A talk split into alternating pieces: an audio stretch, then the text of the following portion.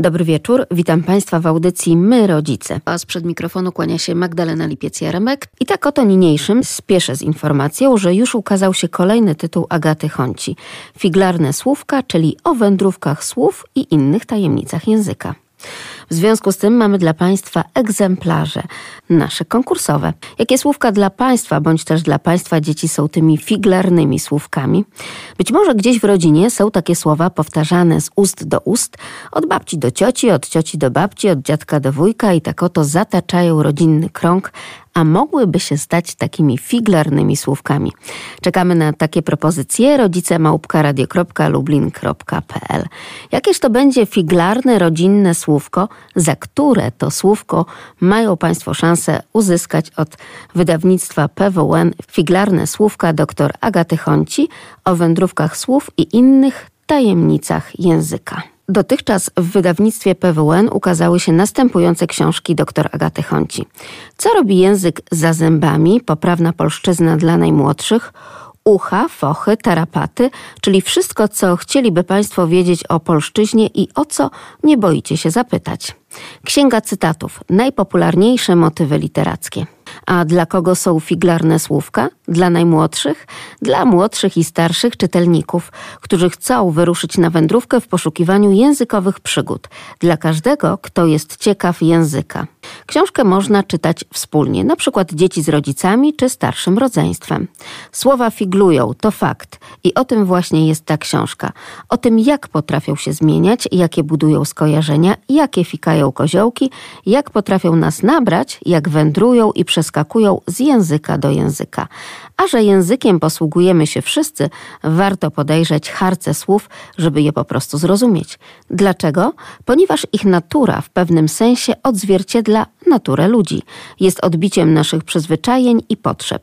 I właśnie dlatego figlarne słówka Agaty Honci to książka wbrew tytułowi, nie tylko o słowach. To także książka o ludziach i o tym, co lubią robić ze słowami i w ogóle z językiem. Zapraszam Państwa do wysłuchania rozmowy z autorką, czyli z dr Agatą Honcią, Figlarne słówka o wędrówkach słów i innych tajemnicach języka, dr Agata Honcia, wydawnictwo PWN. Figlarne słówka, czyli tak naprawdę co w nich jest figlarnego? Pani Agato. Figlarne właściwie jest wszystko w tych słówkach, od znaczeń po formę.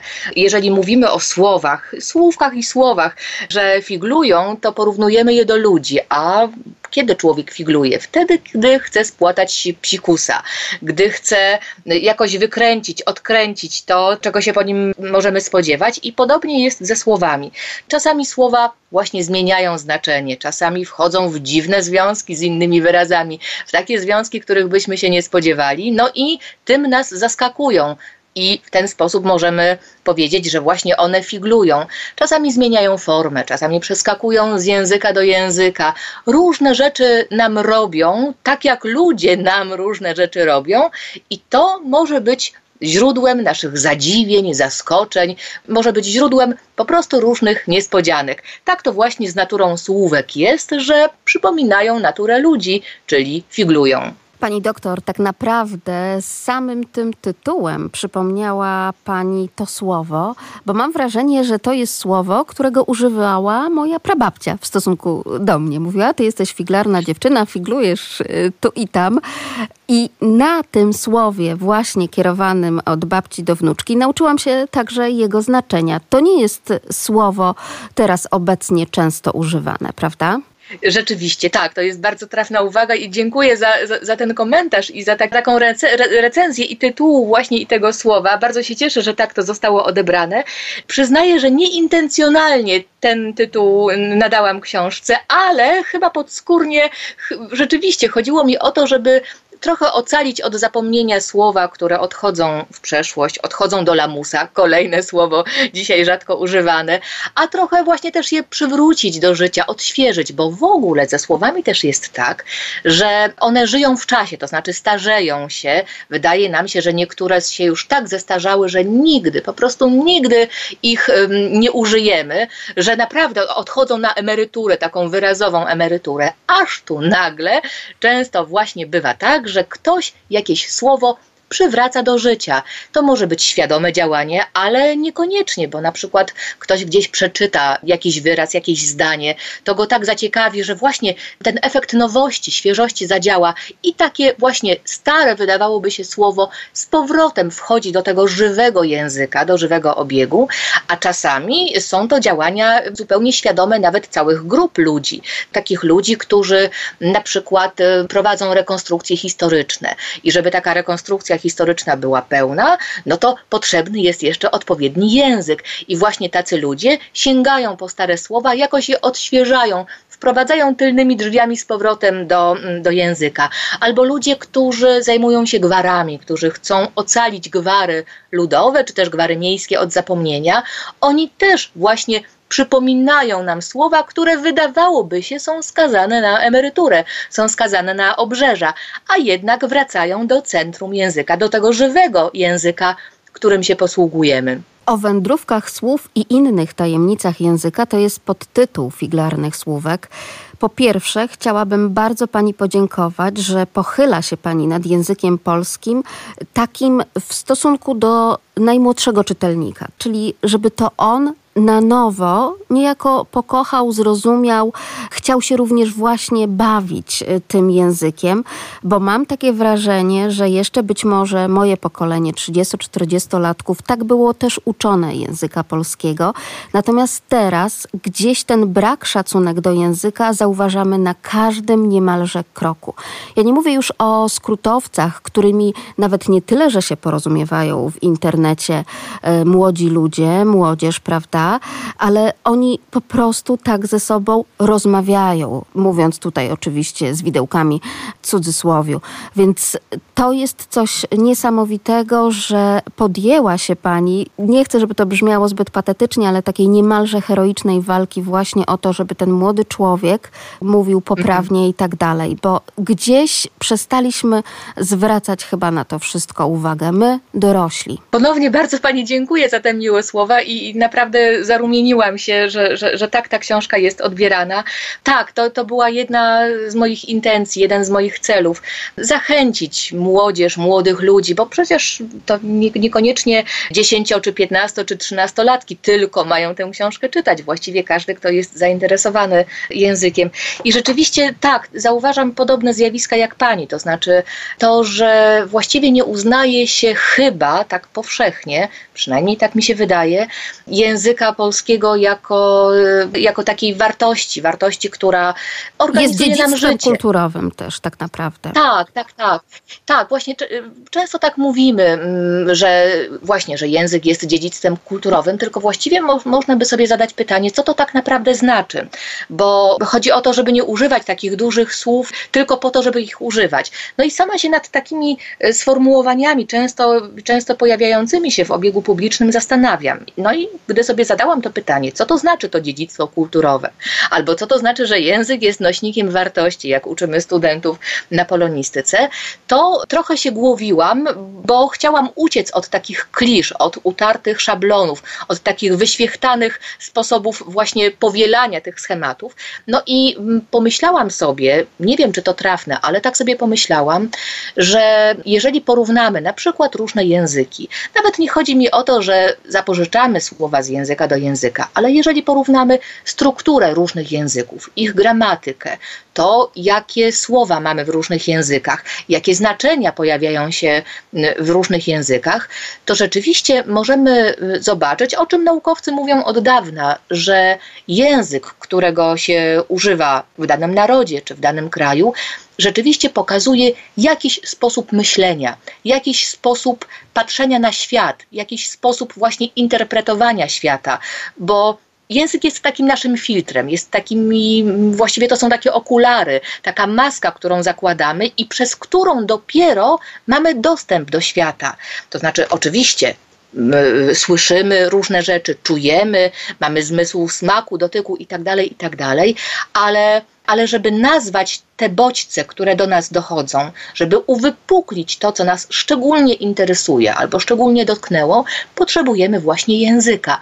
Język jest taką rurką, przez którą pokazujemy, wyciekają, wypływają z nas nasze interpretacje świata. czyli to, jak nasi przodkowie widzieli świat, jak się w nim urządzili i co nam przekazali, co my gdzieś tam jako, jako, jako naród, jako w ogóle społeczność nosimy w głowach, to wszystko widać w języku, to wszystko jest zaklęte w języku. Dlatego to jest tak rzeczywiście ważne, żeby, żeby o tym języku myśleć z troską, z życzliwością, z czułością, żeby nie podchodzić do, do niego tak mechanicznie jak do, nie wiem, młotka, czy kombinerek, czy jakiegoś innego narzędzia, bo to nie jest młotek. Naprawdę język to nie jest młotek.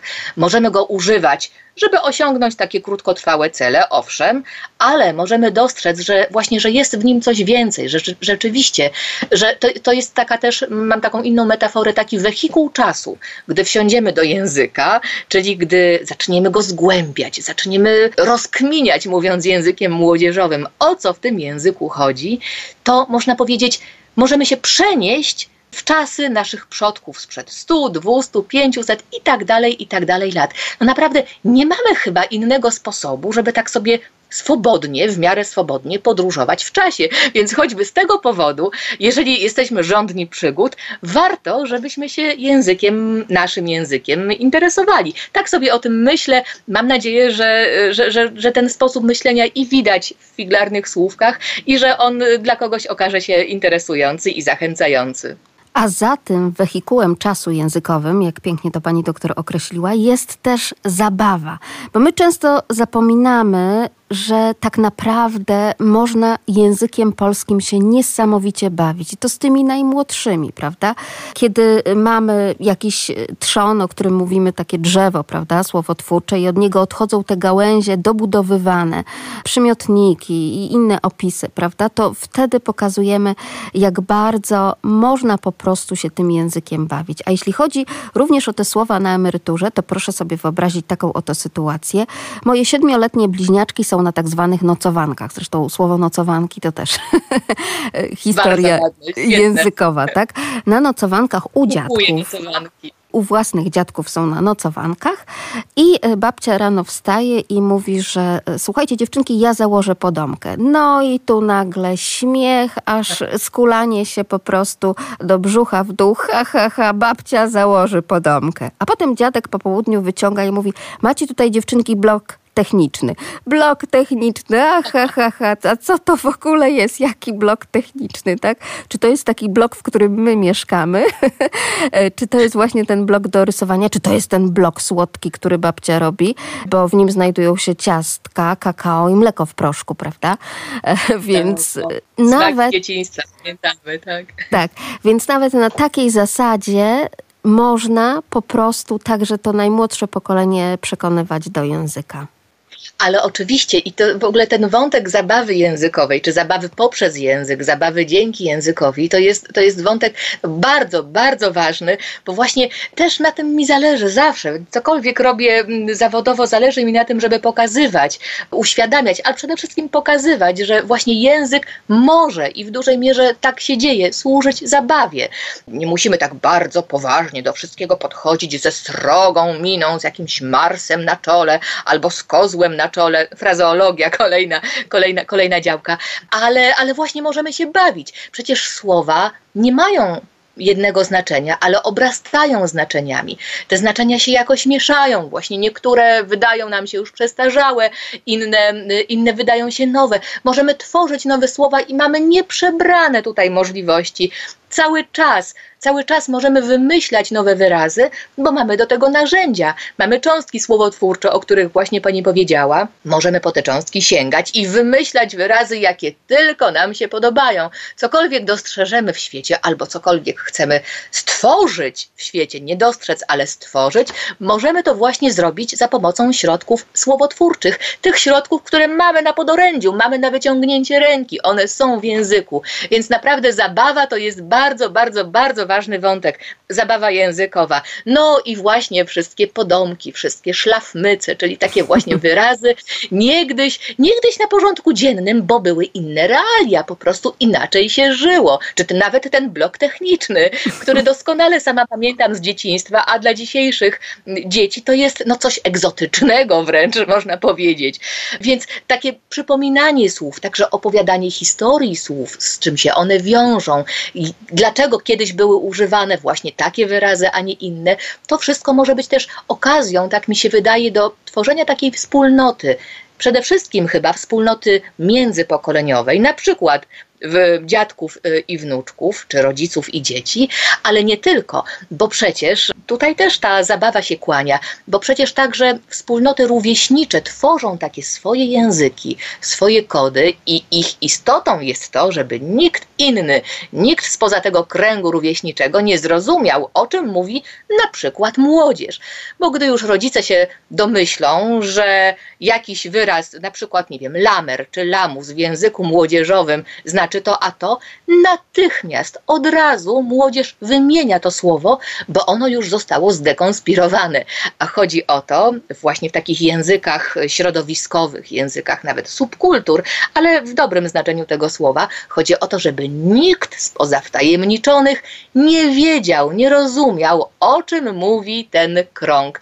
Więc naprawdę do wielu, wielu rzeczy zwykle bardzo przyjemnych, chociaż niestety nie tylko, służy język. Jaka przeszłość kryje się w imionach, i tutaj pani nam pozwala odkrywać te tajemnice, rozkładać właśnie niemalże na części pierwsze, także nazwy miast, gór, rzek, nazwy miejscowości. To jest coś, z czym możemy się bawić na przykład wyjeżdżając.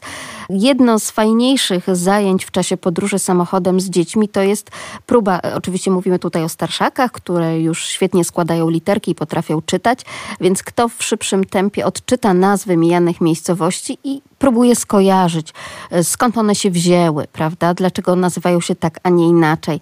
Proste przykłady, takie jak na przykład Marysin i Wandzin i z nimi związana historia, że kiedyś mieszkał tutaj właściciel ziemski, miał Marysię i Wandzie dwie córki, jednej przydzielił takie ziemie, a drugiej takie i proszę bardzo, mamy w okolicach Bychawy, w pobliżu Lublina, takie właśnie miejscowości. Jest za tym językiem tak naprawdę i legenda, i historia, no i ta ciekawość odkrywania tajemnicy, o czym zupełnie zapominamy, myśląc o tak zwanym języku polskim 45 minutach w szkole. Tak, i, i gramatyka, i te nieszczęsne y, wykresy zdań, które, które wszystkim chyba niestety obrzydzają gramatykę, chociaż sama przyznaję, uwielbiam robić wykresy zdań. To jest moje ulubione zajęcie i w szkole podstawowej spędzałam długie godziny na rozkładaniu właśnie bardzo, bardzo długich zdań, zwłaszcza z Sienkiewicza. Ale to prawda, ta, ta wersja polszczyzny, czy ten obraz polszczyzny, obraz gramatyki polskiej, który niestety czasami jeszcze sprzedaje daje szkoła, to jest taki obraz strasznie nudny, strasznie taki zmurszały, takie ojej, musimy się męczyć znowu, wkuwać te przypadki i inne rzeczy. A tymczasem nawet sama gramatyka, ale oczywiście także historia, kryje się właśnie w nazwach, w tym języku, który tworzy otaczającą nas rzeczywistość. Przykład y, właśnie z tymi nazwami, które pani podała, Marysin i Wandzin, to jest doskonały przykład właśnie takiego, takiego haczyka, który język wystawia i my się na ten haczyk naprawdę dajmy złapać. Idźmy, y, połknijmy ten haczyk, bo wtedy otworzą się przed nami niczym sezam wrota do zupełnie innej, niespodziewanej krainy, krainy pełnej legend, ciekawych historii, po prostu do krainy innego życia. Dzięki językowi, tak jak dzięki literaturze, mamy przepustkę, mamy wstęp do różnych dziwnych, niesamowitych krain. Więc to nie musi być tylko tak, że, e, że, że z nudą się nam będzie kojarzyła nauka języka polskiego, czy w ogóle wiedza o języku, ale może się kojarzyć z przygodą, wyzwaniem i tak dalej. Zresztą z nazwami miejscowości jest bardzo ciekawa sprawa, bo mm, o ile niektóre ale tylko niektóre mają dość jasną, dość przejrzystą budowę, o tyle inne ha, zwodzą nas na manowce, mogą nas po prostu chcieć oszukać, nabrać i stąd się biorą tak zwane etymologie ludowe, czyli takie no właśnie nienaukowe, niepoparte faktami wytłumaczenia danych nazw. Jedną z takich bardziej znanych etymologii ludowych jest ta, że Częstochowa, dlatego tak się nazywa, że się często chowa. Ale to nie, to nie, to, to nie o to chodzi Chodzi o to, że był jakiś Częstoch, taki człowiek o imieniu Częstoch i on sobie albo założył osadę, która się nazywała Częstochowa, albo no, po prostu był jej właścicielem, czy została mu ona podarowana, nie wiemy tego dokładnie, mm, ale właśnie od jego imienia pochodzi ta nazwa, a nie, nie, nie od tego, że się Częstochowa, chociaż rzeczywiście, gdy się jedzie do Częstochowy, droga jest taka pagórkowata, to czasami klasztor na Jasnej Górze tak właśnie pojawia się i znika, pojawia się i znika. To pewnie dało początek tej etymologii ludowej, ale właśnie ona jest ludowa, a nie naukowa. Bardzo, bardzo zachęcam do śledzenia historii nazw miejscowych, także nazw, nazw gór, nazw rzek, bo za nimi też się kryje jakaś historia naszych przodków. Czyli można powiedzieć, nasze życie w poprzednich pokoleniach jest jakoś związane z nazwami, które nas otaczają. I tak też jest na przykład z Gołobożem. Ostatnio wróciliśmy z gór świętokrzeskich i w drodze powrotnej czytaliśmy legendy właśnie i bajdury nawet świętokrzyskie. I tam między innymi nazwa Gołoboże oczywiście była wytłumaczona tą legendą, legendą jakby typowo geograficzną, czyli z odsłoniętymi tymi skałami, ale też i z taką ludową przypowieścią, że szła pewna babcia po chrust, no i nagle zobaczyła jakiegoś golaska, który zapomniał spodni we wsi nałożyć i mówi, o goło, o Boże, prawda? I mamy, I mamy goło Boże, z tym, że nawet było wytłumaczone ortograficznie, że jakby e, goło Boże, wtedy kiedy pani krzyczy o jaki goły, o Boże, to piszemy zupełnie inaczej niż goło Boże.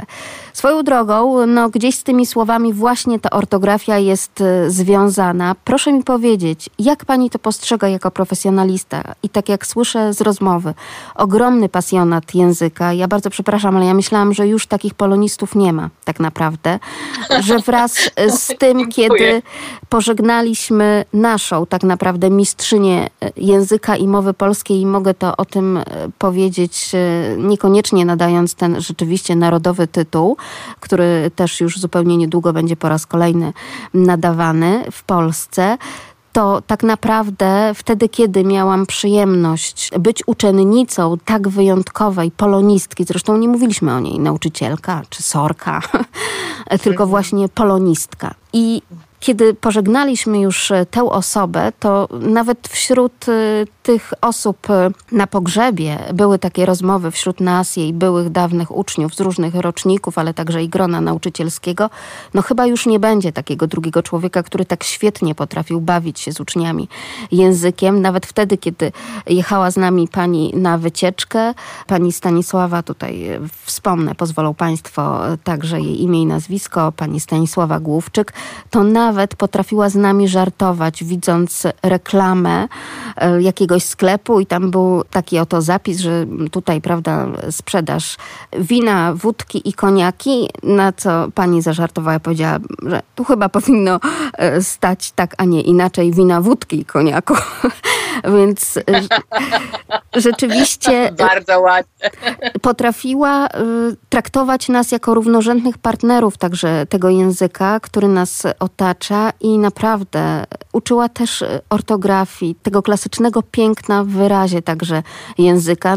Po powrocie z wycieczki nie mogło być fajnie, tak? Tylko spróbujcie znaleźć coś jeszcze więcej tych opisów, więcej tych słów, no bo przecież mamy ich absolutnie cały wachlarz. Czy obserwuje Pani teraz, że też to nasze życie z tak ogromnym brakiem szacunku do ortografii, no wypacza nasze rozmowy i to nie tylko te internetowe. Tak, rzeczywiście, co, coś takiego jest, chociaż wydawałoby się, że to jest paradoks, prawda? Bo ortografia dotyczy języka pisanego, a rozmowy dotyczą języka mówionego z definicji. Ale rzeczywiście jest, jest związek między tym, jak piszemy i tym, jak mówimy. A ten związek opiera się na tym, co myślimy, jaki mamy stosunek do odbiorcy naszych wypowiedzi, naszych komunikatów, naszych tekstów. Innymi słowy, chodzi tutaj o to, żeby sobie uświadomić, i za tym mają iść odpowiednie konsekwencje, żeby sobie uświadomić, że mówimy czy piszemy nie dla siebie, ale dla kogoś. Inaczej jeszcze mówiąc, że nie żyjemy na bezludnych wyspach, nie żyjemy w takich bańkach ja, ja, moja racja jest najmojsza, moje ego, ja, przecież ja. To nie chodzi o to. Żyjemy między ludźmi i żyjemy z ludźmi. I jesteśmy po prostu mm, społeczeństwem, istotą, gatunkiem stadnym, społecznym właśnie. I to, jak piszemy i to, jak mówimy, ma nie służyć nam, tylko ma służyć komuś innemu. Oczywiście Ważne jest wyrażanie własnej ekspresji, pokazywanie, co się myśli, co się przeżywa. Oczywiście, że tak, ale chodzi o to, żeby mówiąc i pisząc, nawet o sobie, wykazać szacunek dla naszych odbiorców. Po prostu myśleć też o tym, do kogo mówimy i do kogo piszemy. Na przykład, żeby nie przekroczyć granicy, za którą idzie sprawienie komuś przykrości, żeby nie przekroczyć granicy mm, takiego niesmaku estetycznego. Po prostu szanujmy się nawzajem i mówiąc, i pisząc. Jeżeli używamy wyłącznie bardzo krótkich form. No dla nas to jest bardzo wygodne, bo wstukujemy sobie mało znaków, no mało się męczymy, bardzo wygodne, z naszego punktu widzenia świetne, ale jeżeli piszemy tak do kogoś, o kim wiemy, że nie odczyta tego komunikatu, bo po prostu nie zna tego naszego systemu skrótów, no to to jest w pewnym sensie nawet niegrzeczne, bo nie bierzemy pod uwagę możliwości tego, y, tego naszego odbiorcy, nie dajemy mu, to ktoś tak ładnie nazwał, nie dajemy mu satysfakcji zrozumienia naszego komunikatu. Chodzi o to, żeby właśnie, żebyśmy byli życzliwi dla siebie nawzajem, żebyśmy się szanowali i żebyśmy nawet tak zaryzykuję, troszczyli się o siebie, żeby nam się po prostu dobrze, miło ze sobą żyło, ze sobą rozmawiało i się czytało. I właśnie błędy ortograficzne, ja rozumiem, że one czasami po prostu są niezawinione, bo mm, z rozmaitych powodów neurologicznych różne osoby robią, robią błędy i to trzeba zrozumieć, ale, ale jeżeli wynikają one tylko z takiej byle jakości, z takiej niestaranności, z takiego prawda, właśnie ta byle jakość, tak, szybkości, właśnie takiej, takiego braku namysłu, braku troski o, o odbiorcę, to, no to, to jest y, nawet niegrzeczne, takie niemiłe, nieprzyjemne. Po prostu nieprzyjemnie nam jest wtedy ze sobą na papierze w tym języku pisanym, więc po prostu zatrzymajmy się chwilę. Tak samo, gdy piszemy mail czy SMS, czy naprawdę nie mamy tych 10 sekund, żeby przed wysłaniem jeszcze raz przeczytać to, co się napisało i ewentualnie skorygować to, co wymaga korekty, czy naprawdę nie mamy tych 10 sekund? Zatrzymajmy się przeczytajmy, skorygujmy i dopiero wyślijmy, bo wtedy właśnie zatroszczymy się o kogoś, ale też dla wszystkich, którzy myślą przede wszystkim o sobie, pokażemy samych siebie w lepszym świetle. Więc w sumie nawet z takiego punktu autoprezentacji czy autokreacji ta staranność językowa też jest pożądana. Warto, naprawdę warto. To prawda, bo przecież e, kiedyś mówiło się o tym, że właśnie profesor wyższej uczelni potrafi rozmawiać zrozumiale ze studentem pierwszego czy piątego roku, potrafi rozmawiać z profesorem wyższym rangą od siebie, potrafi rozmawiać z panią sprzątającą czy e, z panem, e, który, nie wiem, nagle przyjdzie naprawiać żarówkę czy cokolwiek, prawda? Na tym polega właśnie wielkość człowieka i to zrozumienie i szacunek do języka do drugiej osoby, żeby móc i umieć przedstawić swoje racje różnym osobom z różnym wykształceniem i z różnym podejściem do życia. Tak jest, tak, właśnie, właśnie o to chodzi. To nazywamy czy to sprawnością komunikacyjną, czy, czy jasnością, czy troską y, właśnie taką komunikacyjną. Szanujmy się i niech z tego płynie sposób, w jaki mówimy i w jaki piszemy. W takim podsumowaniu pani książki przypomnę, że rozmawiamy o książce Agaty Honci Figlarne słówka, o wędrówkach słów i innych tajemnicach języka. Czytamy, że ta książka tak naprawdę jest nie tyle o słowach, co o ludziach. No bo to przecież my te słowa wypowiadamy, to my je kształtujemy, to my im nadajemy znaczenia, to my też, o czym mówimy, e, możemy tymi słowami żonglować i figlować e, tak po prostu. I rzeczywiście tak to pani odbiera, e, że tutaj ten pierwiastek ludzki wysuwa się na plan pierwszy? Tak, zdecydowanie. Nie ma słów bez ludzi i nie ma ludzi bez słów. Nawet jeżeli posługujemy się językiem niefonicznym, takim jak polski, angielski czy niemiecki, tylko na przykład językiem, językiem migowym, to tam też są słowa. Słowa, czyli pewne znaki, które niosą jakąś treść. Bez tych znaków różnych, to mogą być rozmaite znaki w różnych językach. Przecież też mamy język, system Braille'a, prawda? Tam też są znaki. Bez tych znaków niosących jakąś treść nie ma ludzi. I z drugiej strony nie ma tych znaków, czyli nie ma rozmaitych słów, bez ludzi. Żyjemy w symbiozie z jakimś, zawsze z jakimś językiem, a czasami nawet z kilkoma językami. Tak to właśnie widzę. Jak się pani żyje tak naprawdę teraz współcześnie? No bo z taką pasją języka, z taką też no, podejściem mimo wszystko do tej poprawności językowej, czy trudno jest pani odbierać ten świat, czy no, czy nie przejmuje się Pani tym, jak ludzie ze sobą rozmawiają, jak piszą, co czytamy na różnego rodzaju portalach społecznościowych, jak wyglądają maile od studentów, co też jest swoistym paradoksem, bo przecież rozmawiamy w XXI wieku. Wystarczy, że program komputerowy podkreśla nam błędy szlaczkiem na czerwono, prawda? Wężykiem, wężykiem. Tak, tak, tak. No, żyje, żyje się różnie. Pewnie nie tylko mnie, ale, ale każdej osobie, która zawodowo zajmuje się językiem. Przecież także dziennikarze są wyczuleni szczególnie na słowo, więc chylę czoła przed dziennikarzami, bo, bo ich praca jest po prostu bardzo ważna, bo też polega na tym, żeby, żeby uświadamiać, żeby uwrażliwiać na język, żeby też propagować pewne wzorce. Takie wzorce, na których by nam wszystkim zależało. Więc pewnie tak jak wielu osobom różnych profesji, i mnie żyje się czasem łatwo, jeśli chodzi o ten język, a ten język publiczny, a czasem niestety niełatwo. Bardzo, mm, bardzo ubolewam nad tym, że właśnie, że czasami są ludzie, którzy traktują język instrumentalnie, jak taką szmatkę właśnie, albo jak młotek.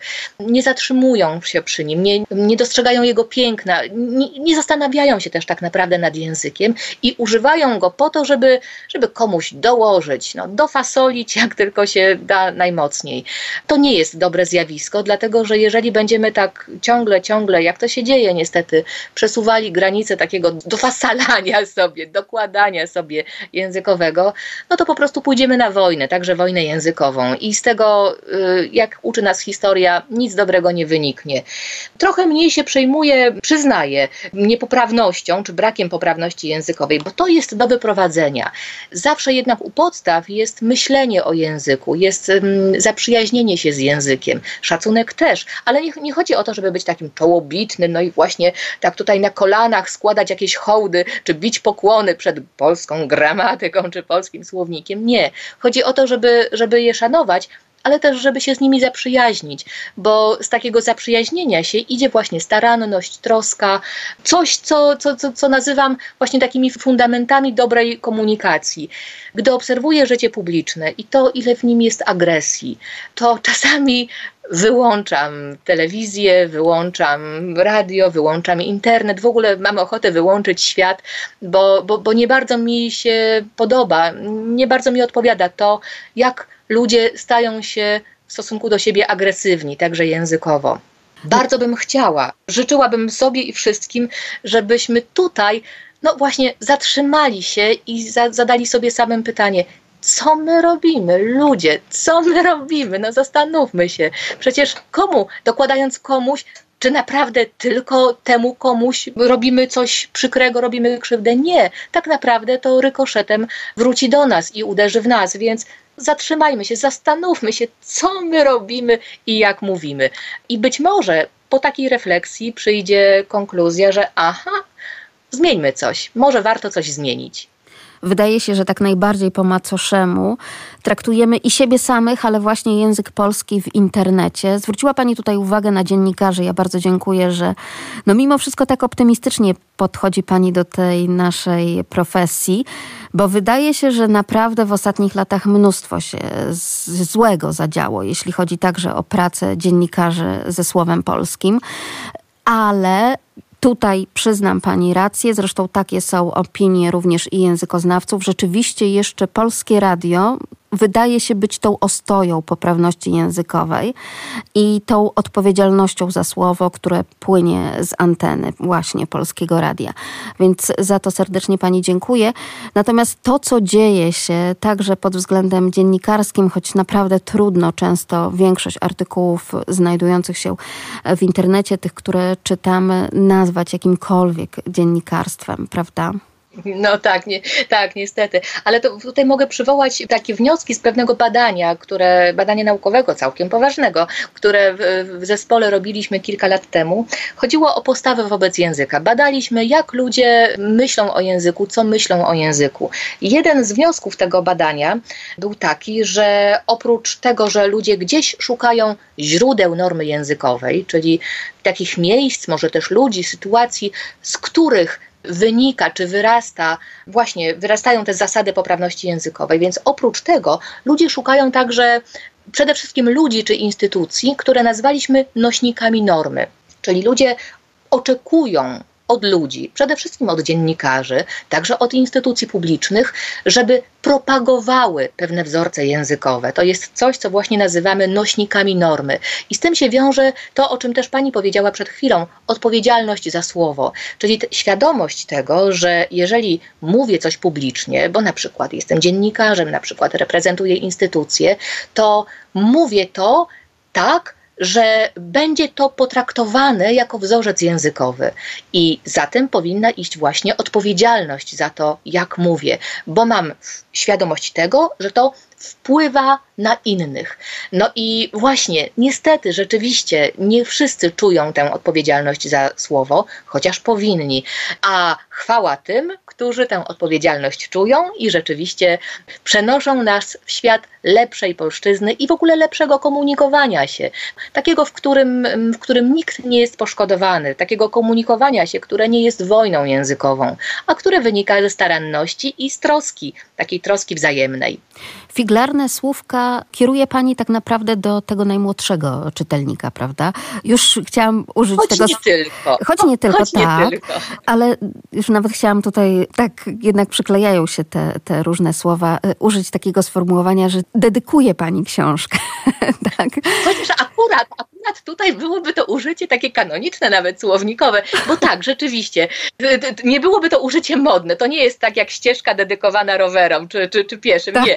Tutaj właśnie byłoby dobre użycie tego, tego, tego słowa. Tak, dedykuję tę książkę i najmłodszym, ale też starszym, i może nawet całkiem, całkiem najstarszym, jeżeli tak można powiedzieć, ale trochę, trochę teraz żartuję. Właściwie dedykuję tę książkę wszystkim, których interesują sprawy języka i którzy chcieliby się z nim zaprzyjaźnić. Dedykuję w tym znaczeniu, że pisząc tę książkę właśnie myślałam o, o ludziach, którzy mieliby szansę, czy mieliby ochotę zainteresować się sprawami języka. Więc tak, to jest książka dedykowana, ale właśnie w tym sensie. Pani doktor, ale to oznacza, że ciągle jeszcze upatruje Pani i tu mam wrażenie w tym dedykowaniu także tej książki i w tych najmłodszych, w dzieciach, ale i w nas, rodzicach, bo to często my przecież z nimi czytamy, albo podczytujemy, albo przysłuchujemy się, jak one czytają, albo razem wspólnie właśnie gdzieś zasiadamy nad tą książką, więc często jest to taki duet tych czytelników, jeśli chodzi o, o najmłodsze pokolenie, czyli to jest i rodzic, i dziecko. Upatruje Pani w tych najmłodszych no jeszcze taką nadzieję na wypracowanie właśnie na tę zabawę językiem. Ja bym powiedziała właśnie na takie pokochanie języka, nie straszenie dyktandem, klasówką z gramatyki i tak dalej, i tak tylko właśnie no chęcią odnajdywania tego, co w języku naprawdę piękne. Tak, bo nawet powiem więcej, żyję tą nadzieją. Ta nadzieja trzyma mnie przy życiu.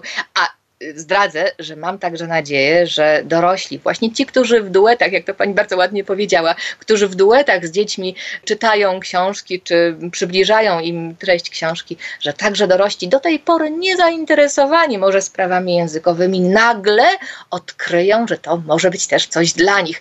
Nawet niech się nie przyznają. Nie, nie, nie. Ale jeżeli właśnie nawet w dorosłych, do tej pory niezainteresowanych językiem, ta iskierka gdzieś zapłonie, gdzieś, gdzieś wzleci w niebo, to będę prze, prze, przeszczęśliwa. Tą nadzieją żyję, tak.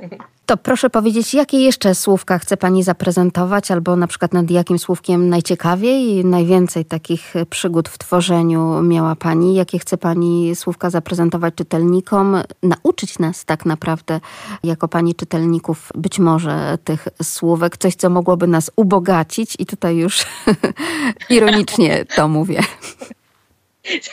właściwie, właściwie każde słówko ma, ma, ma, historię i nad każdym spędziłam ileś czasu, wtedy, gdy zastanawiałam się nad materiałem, który mam wykorzystać w książce, opisać w książce, przedstawić w książce, ale też przyznaję, że sporo czasu zajęło mi wymyślenie sposobu, w jaki tak najprościej, a jednocześnie zrozumiale no, opisać rozmaite mechanizmy, które zachodzą w języku, na przykład mechanizm metafory, czyli tego, jak się tworzą kolejne znaczenia, znaczenia różnych słów czy nowe słowa. Dlaczego akurat zając y, zajęczał smętnie? Czy tam jest jakiś związek, czy nie ma związku? Co to znaczy rozindyczyć się? Co to znaczy zacietrzewić się? My te słowa znamy i jakoś czujemy, dlaczego one właśnie są takie, a nie inne, ale gdy przychodzi do opisania tego, co tam leży u podstaw, czyli zwyczaje różnych ptaków i tak dalej, i tak dalej, czy w ogóle różnych zwierząt, to robi się trudniej. I jeżeli udało mi się ten fragment książki jakoś w miarę,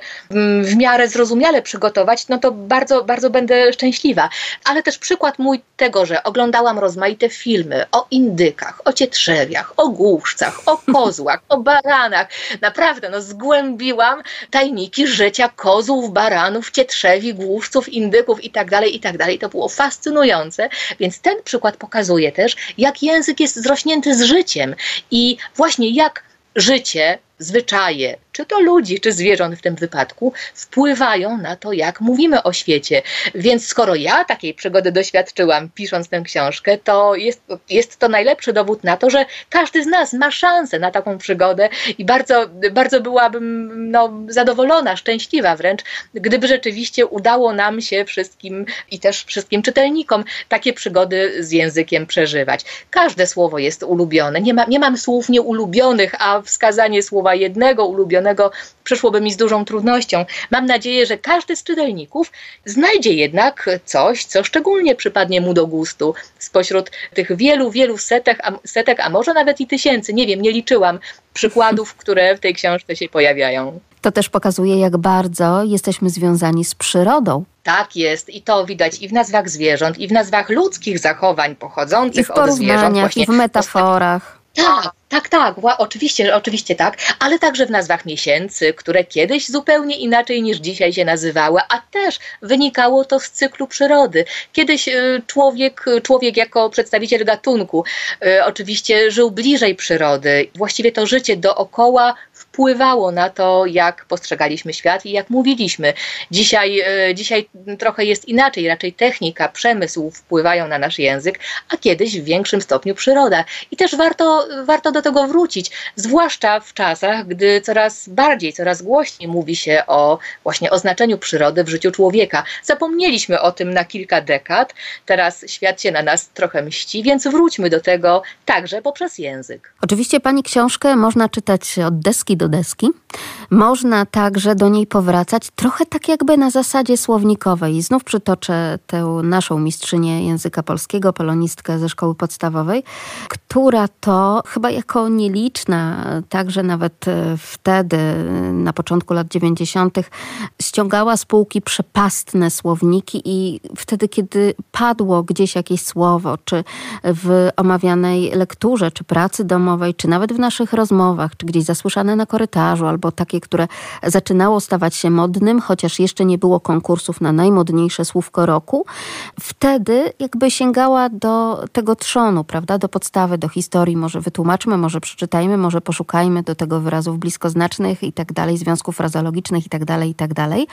I rzeczywiście ja mam wrażenie, że pani książkę też tak kartkując można troszeczkę potraktować jako no, swoisty słownik. Wtedy, kiedy gdzieś z dzieckiem nagle usłyszymy jakieś słowa, albo ono chciałoby o nie dopytać, e, albo na przykład właśnie wtedy, kiedy uczy się tych nazw miesięcy, czy chce poznać swoje imię, to do tej książki może do tego tekstu sięgnąć. Bar bardzo dziękuję, bo naprawdę y, y, to, to jest jedno z moich marzeń życiowych, napisać słownik, czy współ, współnapisać słownik, aż tu nagle okazuje się, że ten słownik w jakiejś formie taki i powstał.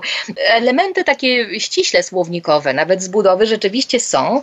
Po każdym rozdziale, rozdziałów jest siedem, ale one są mhm. dość obszerne. Po każdym rozdziale jest taka część, którą zatytułowałam Nowe Słowa, i tam starałam się wyjaśnić możliwie przystępnie, y, jak na taki przewidywany wiek odbiorców, różne wyrazy, różne słowa, y, o których sądziłam, że mogą być niezrozumiałe dla czytelników tych najmłodszych. Ale oczywiście może tak się zdarzyć, bo ja nie jestem wróżką, ani jasnowidzem, ani nie mam żadnych nadprzyrodzonych mocy. Może, te, może się zdarzyć, że też inne słowa y, z danego rozdziału, z danego tekstu wymagają objaśnienia, albo po prostu zachęcają do tego, żeby sięgnąć właśnie czy do słownika, czy do encyklopedii, czy do jakiegoś innego źródła mm, i zachęcają do poszperania.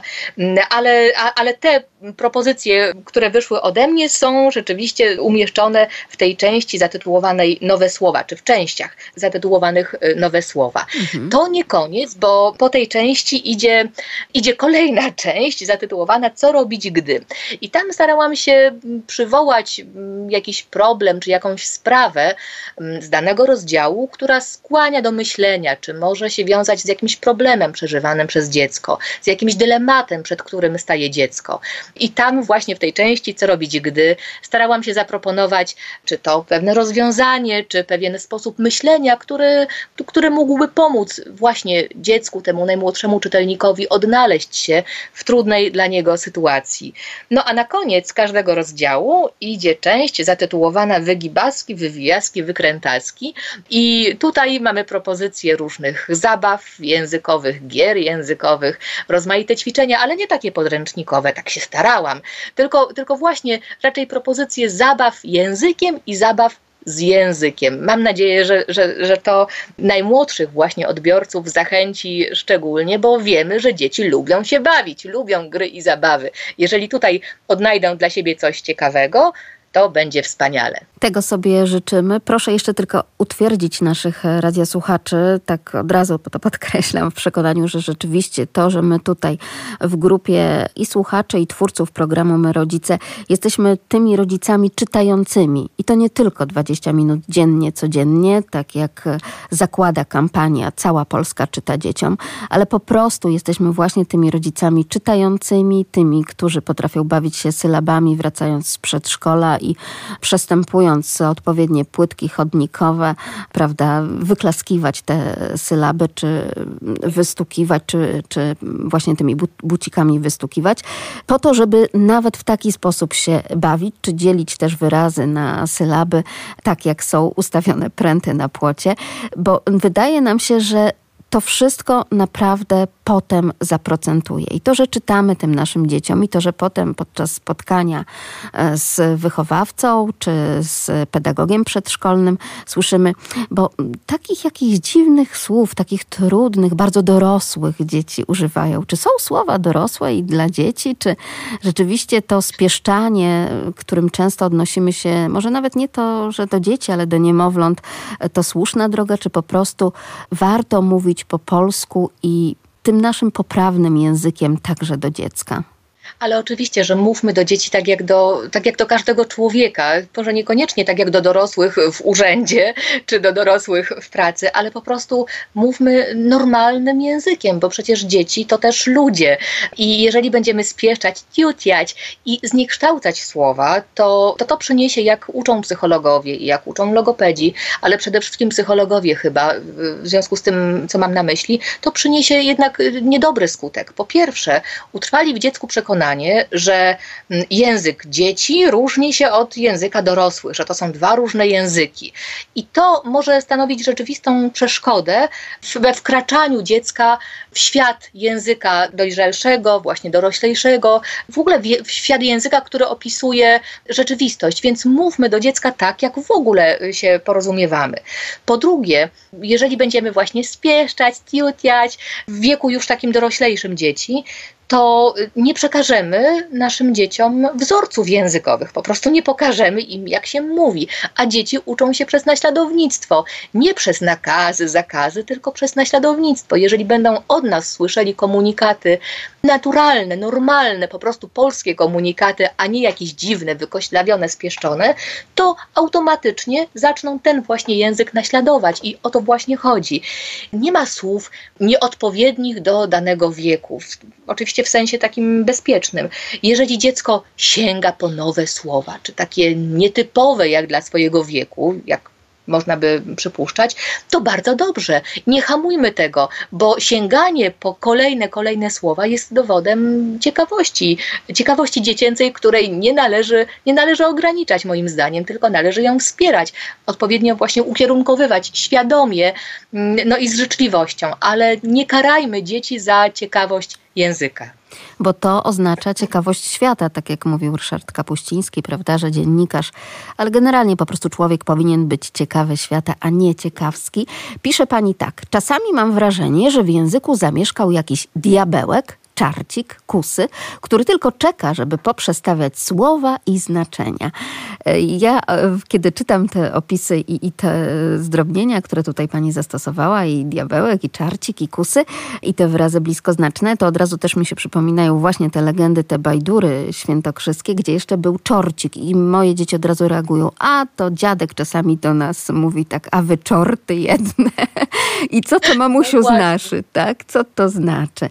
To jest rozdziału Prosto z Brukseli poleca się Brukselka i tutaj mówi pani o tym, że no właśnie, czy mamy jakiś bałagan tak naprawdę w tym języku, czy nie? Czy są zasady, czy są same wyjątki od zasad? Poza tym szalenie ekspresyjnie pani pisze, tak, pani pisze do nas tak, jakby pani do nas mówiła. Bardzo dziękuję. Ojej, to aż naprawdę po raz kolejny się y, zarumieniłam.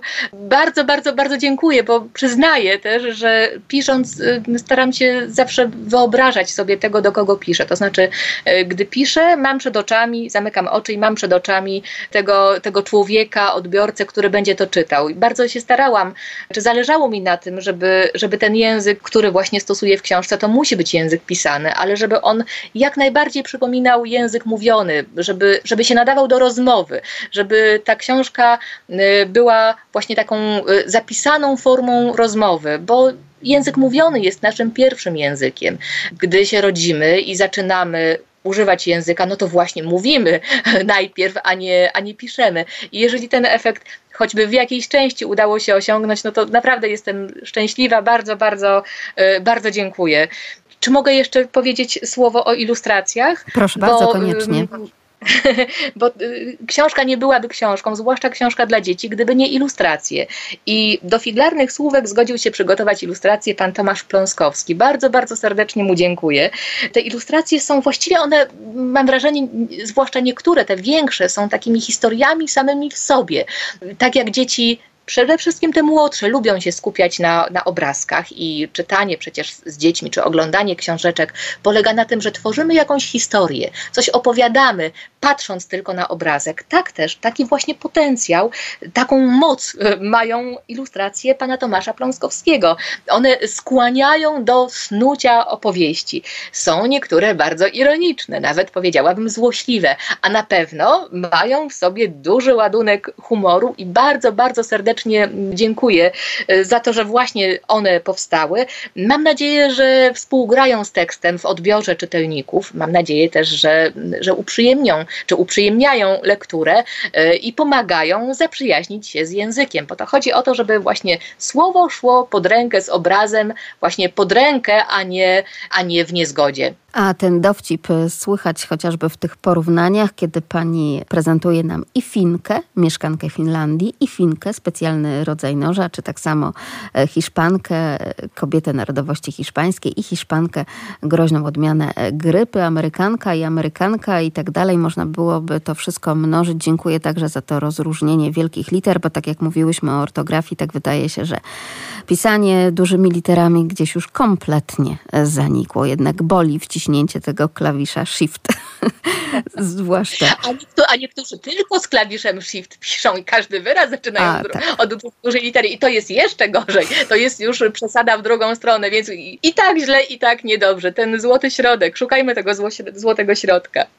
Bardzo pięknie dziękuję pani doktor za rozmowę, aż żałuję, że czas nam się kończy. Wierzę, że być może jeszcze kiedyś zgodzi się pani porozmawiać o pięknie języka i o tym, jak my, rodzice, powinniśmy się zwracać do naszych dzieci, aby też potrafiły z naszego języka czerpać to, co najlepsze, no bo wiadomo, że dzieci po prostu odwzorowują zachowania tych, którzy je otaczają, no, zwłaszcza tych, którzy kochają, są najbliżej. Więc wierzymy, że tutaj jeszcze być może jakieś spotkanie także o języku polskim przed nami. Bardzo pięknie dziękuję za rozmowę. Bardzo dziękuję, z przyjemnością. Dziękuję bardzo. Dziękuję, do usłyszenia. To tyle w pierwszej godzinie audycji My Rodzice. Zachęcam do kontaktu z nami. Rodzice małpka.radio.lublin.pl Proszę również o wpisywanie figlarnych, rodzinnych słów.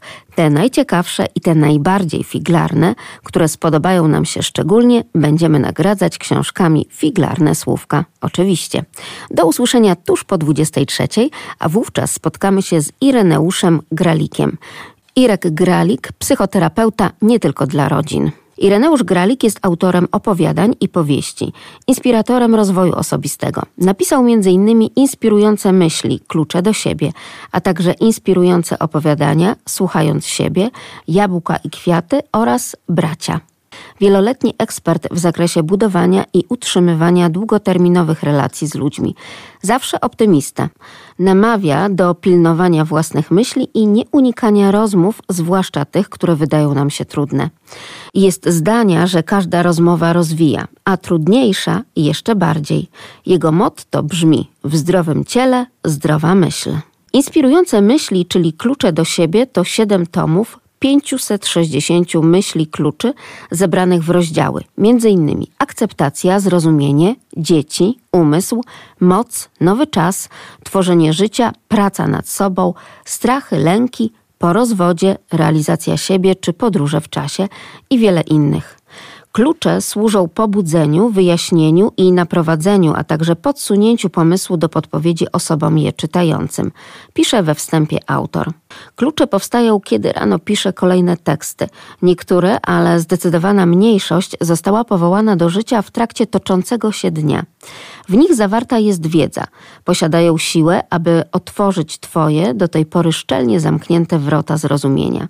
To wystarcza, abyś ruszył z miejsca. To, co latami było dla Ciebie niedostępne, po ich przeczytaniu uruchamia się samoczynnie. Wprowadza w Twoim życiu ciąg zdarzeń. Teraz, w odróżnieniu od dotychczasowych przypadków, wejdziesz w te doświadczenia bez obaw i świadomie. Rozwiązania są konstruktywne, ponieważ nareszcie zaczynasz zadawać je sobie, a nie innym. Życzę każdemu, aby odnalazł w nich to, czego poszukuje. Ireneusz Gralik to inspirator rozwoju osobistego i autor książek, który już od lat pisze z potrzeby podzielenia się z innymi tym, do czego sam doszedł, w związku ze swoimi życiowymi doświadczeniami. Jego inspirujące myśli to swoiste drogowskazy do tego, jak komunikować się ze sobą i ze światem. Posegregowane w rozdziały porządkują nasze umysły, ucząc rozmowy z samym sobą i zgłębiając sztukę wsłuchiwania się w siebie. Odpowiedzi zawsze przychodzą, ale wówczas, jeżeli zadajesz pytania. Bez pytań o cel i istotę życia jest się niesionym przez jego silny nurt w bardzo wiele miejsc. Warto więc pytać siebie i nie bać się usłyszeć odpowiedzi, bo życie w zgodzie ze sobą jest właśnie właśnie kluczem do życiowego sukcesu i furtką do pokonywania przeciwności. Zapraszam Państwa do wysłuchania rozmowy z autorem Ireneusz Gralik klucze do siebie. Czy tylko i wyłącznie chociażby czas pandemii, która ciągle jeszcze trwa, nadszarpnął nasze tak naprawdę poczucie własnej wartości, ale też i wszystko to, co wiąże się z naszą wewnętrzną psychologią? Czy rzeczywiście czujemy się bardziej zagubieni, czy być może chociażby teraz potrzebujemy więcej takich złotych myśli, których Pan jest również autorem? Zawsze wewnętrzna praca człowieka, ale faktem jest, że jak są przeciwności, to człowiek zastanawia się, w którą stronę zmierza, a ta pandemia właśnie jest tą przeciwnością, jest tym wybiciem z rytmu codzienności, więc są głębsze pytania o swoją istotę, o bycie, o życie. Więc, e, a myśli one są ponadczasowe, więc one i przydadzą się za rok, za dwa, za pięć, za dziesięć, a sytuacja w życiu dynamicznie się zmienia, jak pani widzi ale w tych kluczach do siebie to też widzimy takie rozdziały, które bezpośrednio być może dotykają danej sytuacji życiowej, jak chociażby to, że pojawiają się dzieci, jak chociażby to, że jesteśmy po rozwodzie, jak tak. chociażby to, że próbujemy realizować siebie na tak wielu płaszczyznach i w tak wielu rolach, no bo tak teraz społecznie to wygląda, że nie mamy tylko i wyłącznie dwóch czy trzech ról, ale tego jest naprawdę bardzo, bardzo dużo. To prawda, no bo one są związane z życiem bo ja piszę o, o życiu, więc moje obserwacje, stąd wynikają te tematy, e, czyli tak jak pani powiedziała, po rozwodzie dzieci, bo to po prostu jest życie, jest to codzienność, więc e, wyciągam wnioski i przychodzą takie podsumowania. To zatrzymajmy się na chwilkę przy tych dzieciach. Tak naprawdę tak jest to jakaś rewolucja w życiu, które prowadziliśmy dotychczas. Nagle rodzi się dziecko, tak wiele rzeczy się zmienia i nie jest to trywializm, bo często ci, którzy dopiero są przed tym momentem pojawienia się dziecka w domu, to tak naprawdę, nawet jeżeli wizualizują i wyobrażają sobie taką sytuację, to i tak wydaje się, że nie do końca wiedzą, co ich może czekać. Oczywiście, ale tak jest ze wszystkim. Podała Pani przykład dziecka, ale z każdą sytuacją, no bo może ktoś sobie wyobrażać cokolwiek, tak jak Pani powiedziała, rodzi się dziecko i może sobie wyobrażać przewijanie pieluch, czy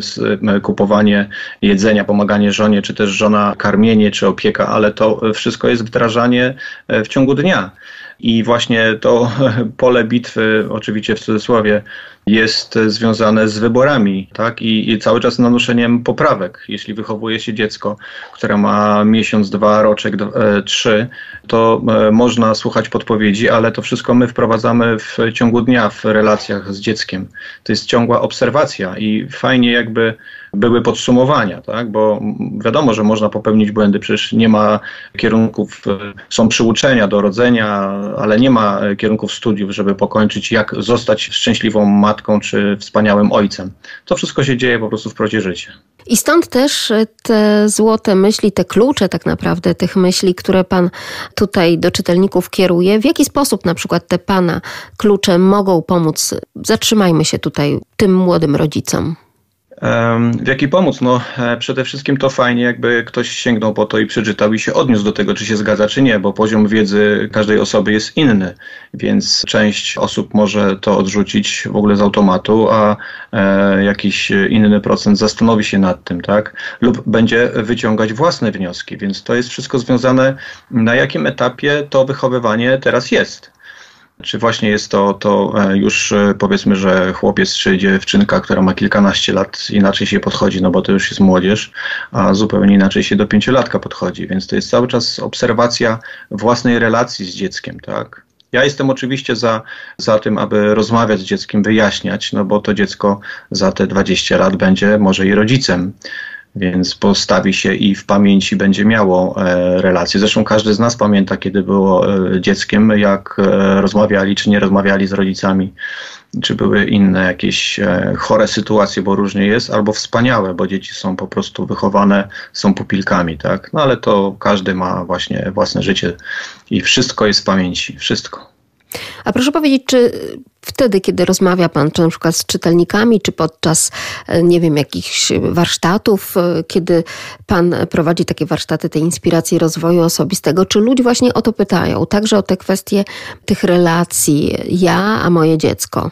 Tak, te pytania się pojawiają, bo one są związane właśnie z e, akurat e, z, no właśnie z przeżywaniem tej trudności, bo może ktoś mieć problem z e, rozmowami z dziećmi, bo może w ogóle nie potrafić rozmawiać, lub też właśnie inny problem się pojawi w relacji, tak, bo na przykład może mogą się dzieci w szkole pobić, więc to są, to są naprawdę wyjątkowe sytuacje, a trudność i problem polega na tym, że one zaskakują, bo w codzienności no, nikt nie planuje, że dziecko, które wyjdzie do, do szkoły może się pobić, czy być pobite w, w szkole na przykład, więc e, na gorąco trzeba reagować i to jest reakcja rodzica czy rodziców jest związana z wyobrażeniem, jak sobie tą sytuację e, załatwić, a nawet jeśli e, sięgnie wcześniej do poradnika, to i tak może się okazać, że nie zadziała tak zgodnie z wcześniej przeczytaną jakąś informacją, jak postępować w danym momencie, gdy No i tak naprawdę każdy z nas pisze te poradniki każdego dnia. Wydaje się, że kiedyś gdzieś wcześniej chyba aż tak bardzo nie potrzebowaliśmy takich poradników, że bardziej jakby, jeśli chodzi chociażby o te relacje pomiędzy osoba dorosła a dziecko, to było to tak bardziej intuicyjnie.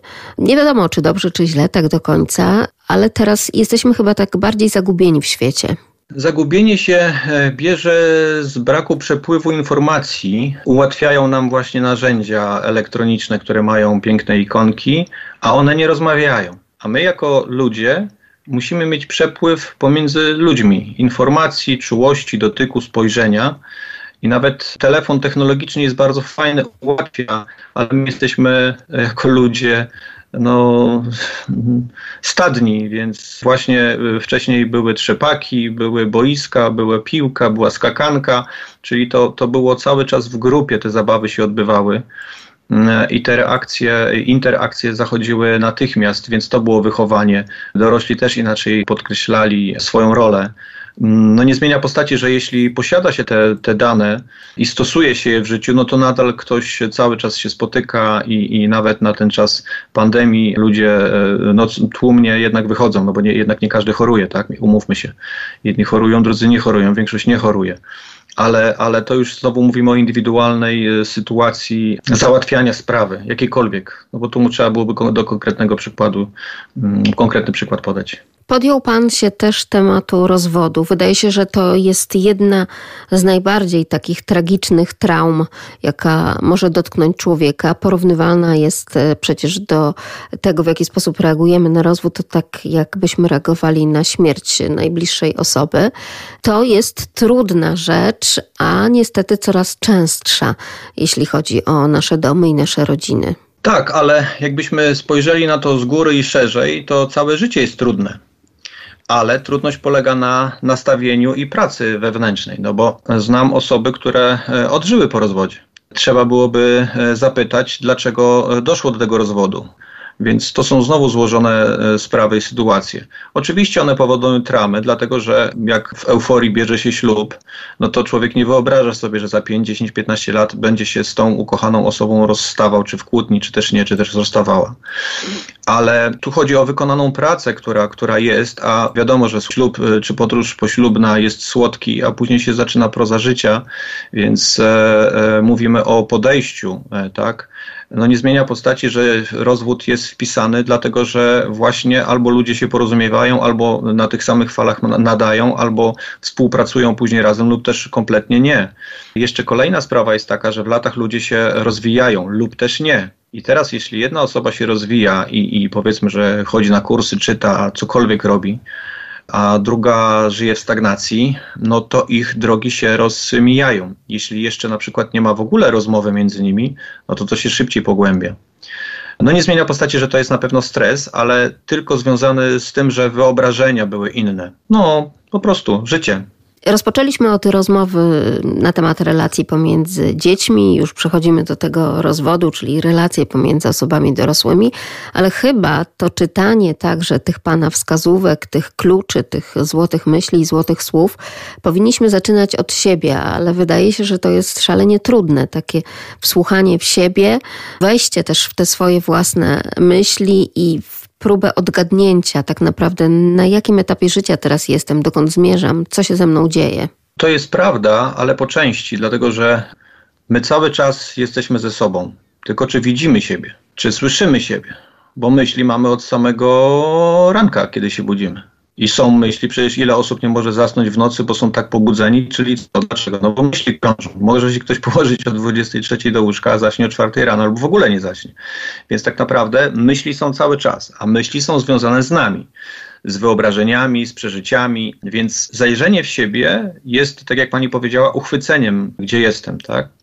Dobrze wiedzieć, gdzie kto jest, ale to też jest e, trening to jest tak, jak ja porównuję właśnie trenowanie siebie do, do kuchni. No przecież nie, jeśli ktoś rozpoczyna gotowanie, albo świetnie jedna, druga, piąta potrawa po kilku latach treningu wychodzi, ale no pięć lat wcześniej mógł patelnię przysmażyć. Więc jeśli popatrzymy na to z perspektywy rozpoczęcia drogi i uwagi, czyli patrzymy, jakie składniki mieszamy na patelni, czy też w piekarniku, cokolwiek tam się dzieje, to po kilku, kilkunastu, kilkudziesięciu próbach, no naprawdę wychodzi bardzo fajna potrawa. I teraz jakbyśmy to przełożyli teraz na życie, to fajnie nazwać siebie potrawą, czyli tak naprawdę sami pieczemy siebie, czy gotujemy siebie, czy też pieścimy siebie, no bo cały czas jest mowa o, o tym, żeby poświęcić uwagę sobie, a ludzie w większości przypadków głowę mają odwróconą na zewnątrz. Oni nie przyglądają się sobie. Ile jest osób, i to wiemy o tym z autopsji, że ludzie zajmują się życiami innych osób, a nie swoich. No właśnie to się bierze stąd, że to jest łatwiej.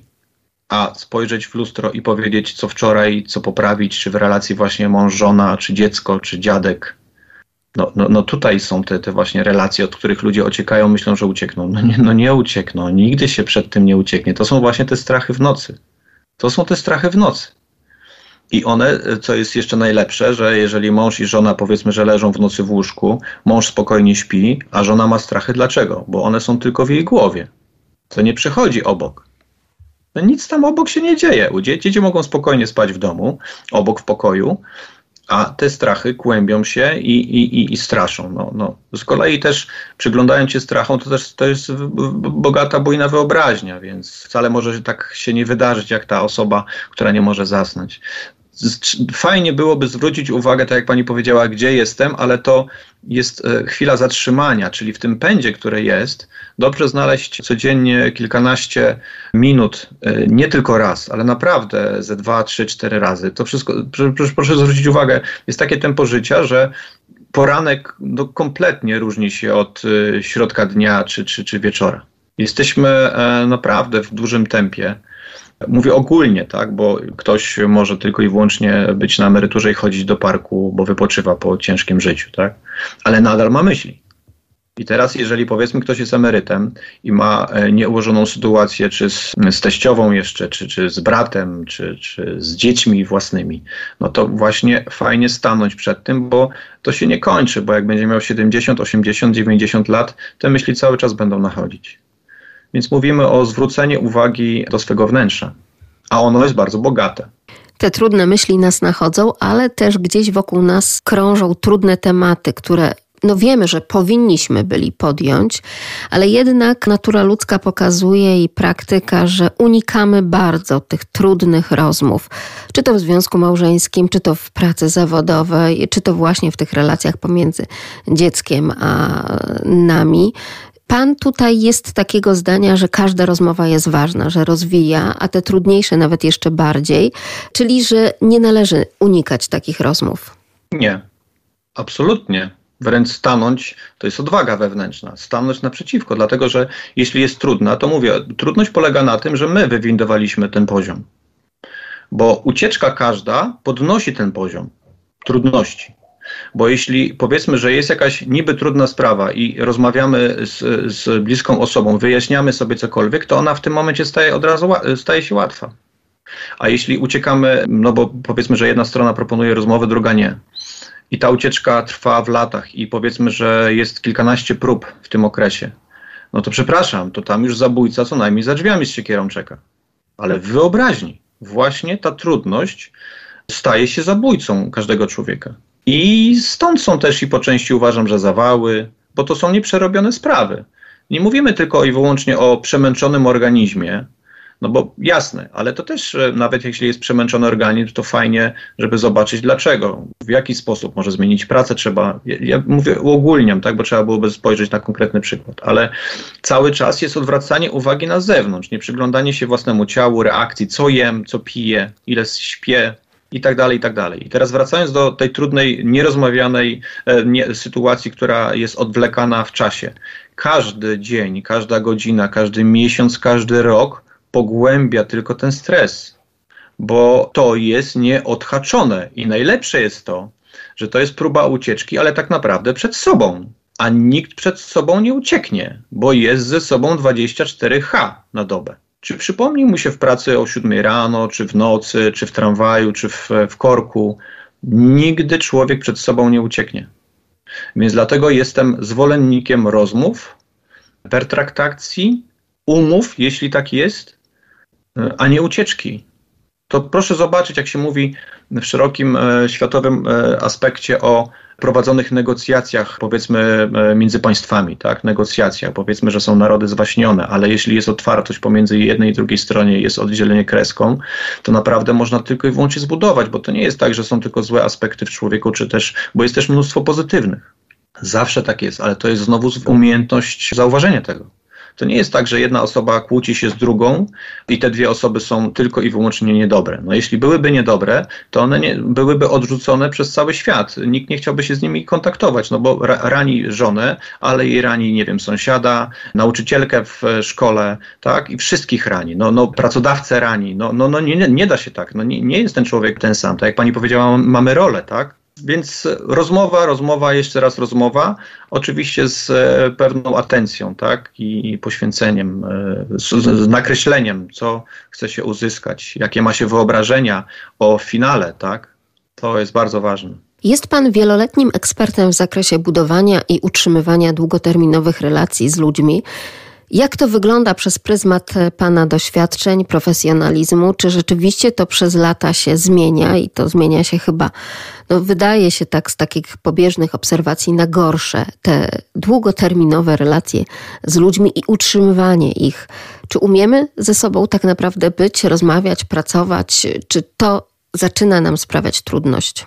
Znowu należy pochylić się nad jednostką, bo akurat jak pani mówi o tych długoterminowych relacjach, to akurat y, to jest cały czas, ja jestem zwolennikiem ja i utrzymuję to, czyli pracuję nad tym tak? Czyli potrafię zadzwonić i nie mam z tym problemu do kogoś, z kim 20 lat temu się nie widziałem, nie słyszałem, jeśli oczywiście mamy telefon do siebie. Dlaczego nie? Oczywiście mówi się o tym też, żeby nie palić za sobą mostów, no bo wiadomo jest, że jeżeli spali się most, czyli zrobi się komuś krzywdę albo jakiś numer wywinie, no to cywilną odwagę fajnie byłoby mieć lub też w ogóle nie, no bo właśnie jest to, czujemy się źle, wiemy, że w danym momencie coś było źle zrobione i teraz albo się od, no, zadzwoni do tej osoby, przeprosi, czy też nie. To są indywidualne sprawy ale jeśli jest prowadzona rozmowa, to później się okaże, że ta osoba przeproszona może nam w czymś pomóc.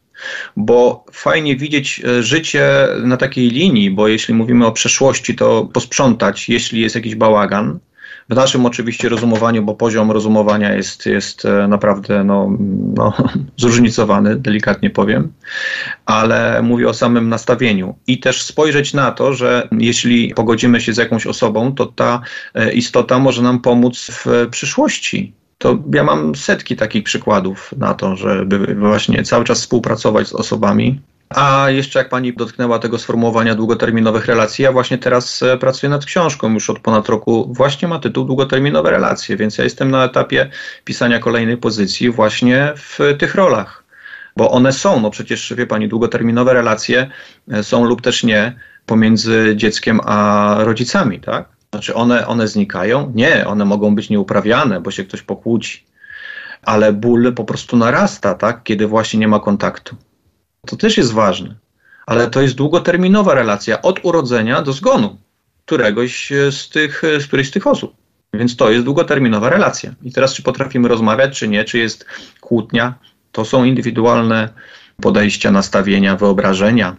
Ktoś komuś ziemi nie przypisał, ktoś e, komuś nos wściubił w prywatne sprawy, tak? I teraz albo się przebacza i mówi się o tym, że na przykład mi to nie odpowiada, lub też nie, ale znowu mówimy o komunikacie. Nieraz jest tak, że ludzie nie wiedzą o tym, że mogą czegoś nie zrobić. Jest wyobrażenie o tym, no ona powinna, czy on powinien wiedzieć. A skąd? Może jest niewychowany na tym etapie. Więc jeśli są wyjaśnione te detale, to później się okazuje, że współpraca naprawdę no, ma fajną barwę.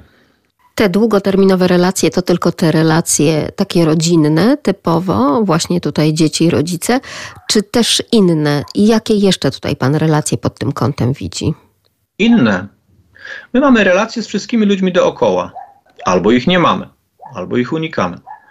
Drugi rozdział, który może skończę za miesiąc, dwa, jest właśnie lekarz, e, pacjenci, pacjenci, lekarz. No więc my rodzimy się i mamy relacje no, z kimkolwiek, no w przedszkolu, z dziećmi, tak, w szkole, to są relacje. Tylko czy one są podtrzymywane? Szkoła średnia, studia, czy też nie, e, praca pierwsza, druga, piąta, to są relacje.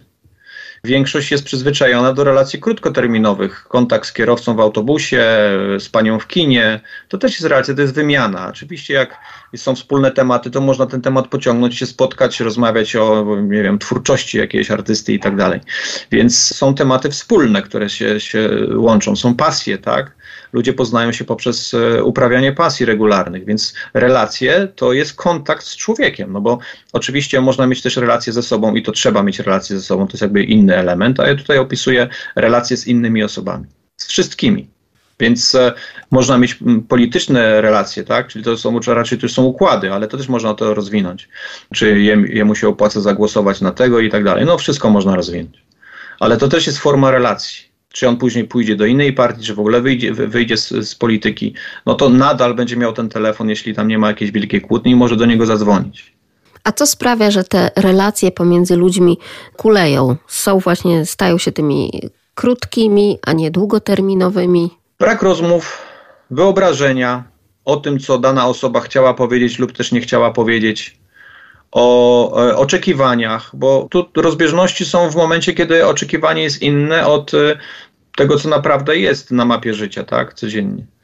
Więc one wtedy są krótko, e, niewygoda w kontakcie właśnie, czyli właśnie nieprzerobienie starego tematu, czyli ludzie uciekają, ale to znaczy uciekają, od kontaktu uciekają, bo w pamięci cały czas mają, od tego nie ma ucieczki, bo to jest zapisane w mózgu, więc pamięć mamy cały czas. I teraz jest kwestia tylko tego, czy rzeczywiście my chcemy e, po jakimś czasie e, wrócić, czy mamy odwagę, czy chcemy kontynuować tą znajomość, czy też nie. Ale w pamięci mamy zapisane, że ktoś nam krzywdę zrobił, znaczy według nas, tak? A tamta osoba może nawet nie wiedzieć, że została krzywda zrobiona. To też naprawdę to jest złożone, bo my jesteśmy złożonymi istotami, tylko wszystko dowiemy się o tym w momencie, kiedy zaczynamy rozmawiać ze sobą. No bo kiedy nie ma rozmowy, to jest wyobraźnia i są wyobrażenia o tym, że w danym momencie ktoś powinien zachować się na moje słowa w taki czy inny sposób, albo w tym i w tym momencie powinien podać mi rękę. Naprawdę. Można o tym długo, długo, długo mówić. Jak w takim razie pan rozumie to słowo rozmowa? Tak jak teraz rozmawiamy. Tak jak teraz rozmawiamy, czyli po prostu rozmowa, gdzie ktoś otwiera buzię i tamta druga osoba, ale dobre pytanie, czy tamta druga osoba ją też słyszy? Bo też są e, e, takie sytuacje, kiedy jedna osoba mówi, a druga osoba powtarza zupełnie co innego. To jest też e, ciekawe, że właśnie są definicje, które można powiedzieć, że są ogólnie przyjęte, a interpretacja tych definicji jest kompletnie inna od jednej i drugiej osoby. Więc e, też, żeby to było zrozumienie rozmowy, bo to jest następna sprawa, czy usłyszenie w ogóle tego rozmówcy, to jest jeszcze kolejna sprawa. Fajnie, aby określić definicję, że to i to oznacza to i to. Aha, no dobrze, to możemy rozmawiać, ale znowu to wyjaśnienie jest wtedy, kiedy, znaczy nastąpi wówczas, gdy jest to wyjaśnienie, tak? No bo znowu wyobrażenia powodują no, zniekształcenie tych informacji. No dobrze, a czy takie rodzinne rozmowy, czy może jednak tylko i wyłącznie takie przerzucanie się pytaniami w codzienności, to też rozmowa w stylu, no jak tam w szkole, kupiłeś chleb, nie ma ziemniaków i tak dalej. Tak, ale to są, to są hasła wy, wy, wyrzucane w pośpiechu, bo taki jest czas. Ale dobrze znaleźć te, te, te inne momenty, czy wieczorem, czy w weekend, no to już jest znowu organizacja dnia każdego, żeby rozmawiać, bo nawet samo, samo zadanie pytania nie jest rozmową. To jest tylko rzucone hasło, bo e, druga osoba e, może tylko powiedzieć, no kupiłem dwa kilo, czy kupiłam dwa kilo i, i się wychodzi. Ta wymiana zdań jest oczywiście potrzebna, bo to jest organizacja dnia tak, i życia. No, bez tego też nie funkcjonujemy. Ale jeśli mówimy o tym, czy myślimy o tym, żeby coś głębiej poruszyć, no to tu już nie wystarczy takie jedno mm, zapytanie e, w postaci pięciu, sześciu wyrazów. No nie. I e, dotyczy to wszystkich osób. No, dzieci dlaczego zadają pytania? No bo są ciekawe świata, tak? Później mówi się, to jest też forma wychowania, czy też e, przyjęta u nas w Polsce, że nie zadaje się pytań, no bo nie wypada, bo już jesteś dorosła, dorosły to masz wiedzieć. Tylko z drugiej strony, skąd ta osoba ma wiedzieć? Jak nie od rodziców najbliższych. Dlatego, jeżeli jest, e, są młodzi odpychani albo nie ma rozmów, no to szukają gdzie indziej. No to jest proste. Jeżeli ktoś jest ciekawy, to co on nie wyjdzie do, i nie poszuka, czy teraz już w internecie wiadomo, tylko trzeba byłoby jeszcze rozpatrzyć, jakiej jakości są te informacje, bo w internecie każdy może wpisać, że jest profesorem, tak? Nie ma tej weryfikacji, nie ma tej, tej etyki jakości podawania informacji. A czy te wszystkie rozmowy przez internet to też rozmowy? Nie mówimy tutaj oczywiście o tych wideo rozmowach, gdzie jednak jeszcze chociażby tę umowę ciała możemy śledzić i jakby odczytać tę intencjonalność nawet w tym pytaniu, prawda, jak tam w szkole, no bo wiadomo, że ono może być rzucone tak ad hoc i wcale nie nieść w sobie także takiego językowego znaczenia tak naprawdę de facto, a nie tylko takiego intencjonalnego, że chcemy się dowiedzieć, jak rzeczywiście w tej szkole było. Czy te rozmowy poprzez maile, poprzez różnego rodzaju komunikatory, to też jest rozmowa? Tak, to jest unowocześniona forma. Ona jest, e, ja bym to nazwał częścią, formą rozmowy, bo czy mail, czy, czy SMS, tak, czy wiadomość jakaś szybka wysłana, jest tylko właśnie taką formą komunikacji, a co u ciebie, hej, hej. Ale jak mówimy o głębszym e, wnikaniu w e, jakikolwiek temat, no to, to, to potrzeba dłuższych, tak jak teraz rozmawiamy, tak, dłuższego wywodu, dłuższych pytań i, i zagłębiania się. Ale to też jest uzależnione właśnie od potrzeb więc e, jest taka forma, jest ten czas, trzeba to wykorzystać. Uważam, że to jest, przybliża nas, tak? Technika nas przybliżyła, ale tu pojawia się pytanie, czy te osoby, które zwaniają się, czy, czy są właśnie na wideokonferencji, chcą poruszyć taki czy inny temat to znowu nieraz jest to niewygodne, więc mowa jest o, o tym, czy te osoby chcą jakiś, na jakiś ciężki temat, ciężki, bo jest nieprzero- ciężki jest, bo dlatego, że nieprzerobiony, tak? Temat rozmawiać pomiędzy nimi, czy też nie. Czy to się dzieje e, przez telefon, czy kiedyś były słuchawki na kablu, nie ma znaczenia, ale była to rozmowa. Więc to, to, to jest forma rozmowy. Tak? Tylko ja osobiście uważam, że y, y, komunikat na mailu, bo na, na, mailu jest jedno suche kwadratowe zdanie. I teraz już widziałem pomyłki interpretacji, bo ktoś używa danej definicji. I z kolei wyjaśnianie na mailu tego jednego zdania źle zrozumianego przez drugą stronę zajmuje nam kilka, kilkanaście zdań opisu. Teraz znaczy na pewno wychodzę, wiem o tym i wychodzę z założenia, że w momencie, kiedy jest taka właśnie na, na, na żywo rozmowa, szybciej można dojść do konsensusu, podsumowując, tak? Więc e, szybciej można wyjaśnić niż pisać. Ale to, to jest forma komunikatu, tylko uważam, że zubożona, mimo wszystko. Promując Pana książkę, między innymi takie oto hasła tutaj czytamy, że warto przyglądać się swojemu życiu, analizować własne potrzeby i emocje oraz nieustannie poszukiwać kluczy do tego, by łatwiej było żyć. Nikt tego za nas nie zrobi i warto skorzystać z podpowiedzi między innymi tych kluczy do sukcesu, Pana kluczy. Natomiast proszę mi powiedzieć, czy to troszeczkę tak nie brzmi egocentrycznie, czyli jakby skupiamy się na sobie, na tym swoim własnym wnętrzu, na tym dopracowywaniu siebie samych. Czy to w takich relacjach później też z innymi ludźmi ma znaczenie, że zaczynamy od siebie? Czy to jest ważne? Czy jednak, no właśnie, to troszkę taki egoizm? Każdy z nas jest egoistą, tylko o tym nie mówi ale żeby poznać siebie, to trzeba siebie, znaczy, żeby poznać siebie, kim się jest, na jakim etapie, no to jest, się jest w danym momencie, to trzeba przyjrzeć się sobie. Tylko czym innym jest e, ten egocentryzm dalej przelany w relacjach, tak? Bo, bo znać siebie, znać swoją moc, czy znać swoje słabości e, jest czym innym niż e, emanować tym na, na, na zewnątrz, tak? Więc jeśli ktoś uprawia sport i wie o tym, że ma dobre osiągnięcia, no to może mówić o tym, chodzić po, po wszędzie, po knajpach czy, czy w domach, że mówić, mówić o tym, że jest naprawdę rewelacyjny, ubóstwiajcie mnie, tak? A może być też i druga osoba, która powie, że znaczy jest skromna sama w sobie i tylko powie, tak, wygrałem bieg i wie pani, to znowu mówimy o samym podejściu ale na pewno uwa uważam, że, wie pani, z, z, drugiej strony też jest taka sytuacja, tak jak powiedziałem wcześniej, że większość cały czas szuka odpowiedzi na zewnątrz, a one są właśnie wewnątrz poświęcenie sobie czasu z uwagą nie jest egocentryzmem, nie jest skupieniem tylko na sobie, bo to jest e, znalezienie odpowiedzi, kim naprawdę jestem. No bo można zapytać, jak pani zapyta koleżanki, czy koleżanka naprawdę odpowie, kim pani będzie bezpośrednio, albo mój sąsiad odpowie mi, wiesz Irek, słuchaj, wczoraj widziałem, że zachowałeś się tak i tak, albo powiedziałeś tak, na pewno jesteś taki i taki. No to jest bardzo spłycone i, i oczywiście w większości przypadków nietrafione. Więc jeśli my znajdziemy, znajdziemy prawdziwego siebie w sobie, o tak bym to ujął, kiedy nazwiemy, kiedy będziemy wiedzieć, że w danej, sytuacji reagujemy tak czy tak, to raczej powiedziałbym, że to jest uporządkowanie siebie. A apatowanie czymś na zewnątrz, e, no to, to już do dyskusji głębszej, innej się nadaje. Pana motto to w zdrowym ciele zdrowa myśl. Proszę to nam wytłumaczyć, rozwinąć. Cały świat składa się z myśli. Uważam, że choroby powstają także z myśli, ze strachu, który jest ciągniony przez dziesiątki nieraz lat i nagle ktoś się dowiaduje, że jest choroba.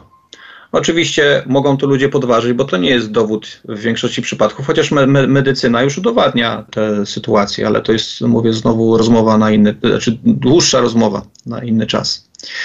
Więc jeśli zdrowa myśl, to znaczy jaka? No właśnie taka, ja uważam, zdrowie jest związane z uśmiechem, z czystością, z przebaczaniem, z wybaczaniem sobie pomyłek. Więc mówię o takim pozytywnym nastawieniu do wszystkiego, bo, bo jeśli jest jakaś przeszkoda, to też ja uważam, że, bo oczywiście to jest wszystko z autopsji, tak? Ja mówię o, o moich obserwacjach. Jeśli jest jakaś przeszkoda, to nasze nastawienie do niej powoduje, czy e, radzimy sobie z nią, czy nie. I w tym momencie, jeśli, a przeważnie sobie później radzimy, to tak jak pani powiedziała, jak pokonywać trudności. No właśnie, trudności pokonuje się stawiając czoło jej. I teraz, jeśli mamy pokonaną trudność, to my automatycznie jesteśmy weseli, lżejsi. Nie ciągniemy za sobą ciężaru dziesiątek lat niezałatwionych spraw. Więc e, automatycznie myśl się odświeża i uwalnia. Więc w zdrowym ciele zdro, zdrowa myśl, dlatego że właśnie od samego rana myśl, bo też oczywiście jest ileś innych e, myśli na temat panowania nad myślą. Kiedy jest chaos w głowie, no to nie ma tej zdrowej myśli, czyli nie panujemy nad sobą. Więc od samego rana poprzez cały dzień do wieczora, kiedy wiemy później już, co chcemy pomyśleć, no to właśnie to jest ta droga bo zupełnie inaczej jest, kiedy myśli nas zalewają, kiedy pozwalamy w głowie im zaistnieć i to też w większości przypadków nie są nasze myśli, tylko po prostu zasłyszane, gdzieś coś usłyszymy albo w telewizji, albo w radio, albo sąsiadka, albo na, na ulicy, to nie są nasze myśli. Więc to jest tak naprawdę porządkowanie siebie. Znowu zwrócenie uwagi na siebie, ale nie epatowanie tym i mówienie o tym, że ja wszystko wiem, zwróćcie się do mnie. To jest zupełnie co innego. Skromność. Zacznij od siebie, jeśli potrafisz zaakceptować siebie, łatwiej pójdzie ci z wybaczeniem. Naprawdę? Oczywiście. Bo mm, rozpoczynając wszelkie ataki, czy wszelkie właśnie te złe myśli, rozpoczynają się od tego, że nie akceptujemy siebie. Więc jeżeli nie akceptujemy siebie, to atakujemy siebie. Czyli już mamy zły humor. Z założenia, jakby to przeanalizować. I tak tak jest.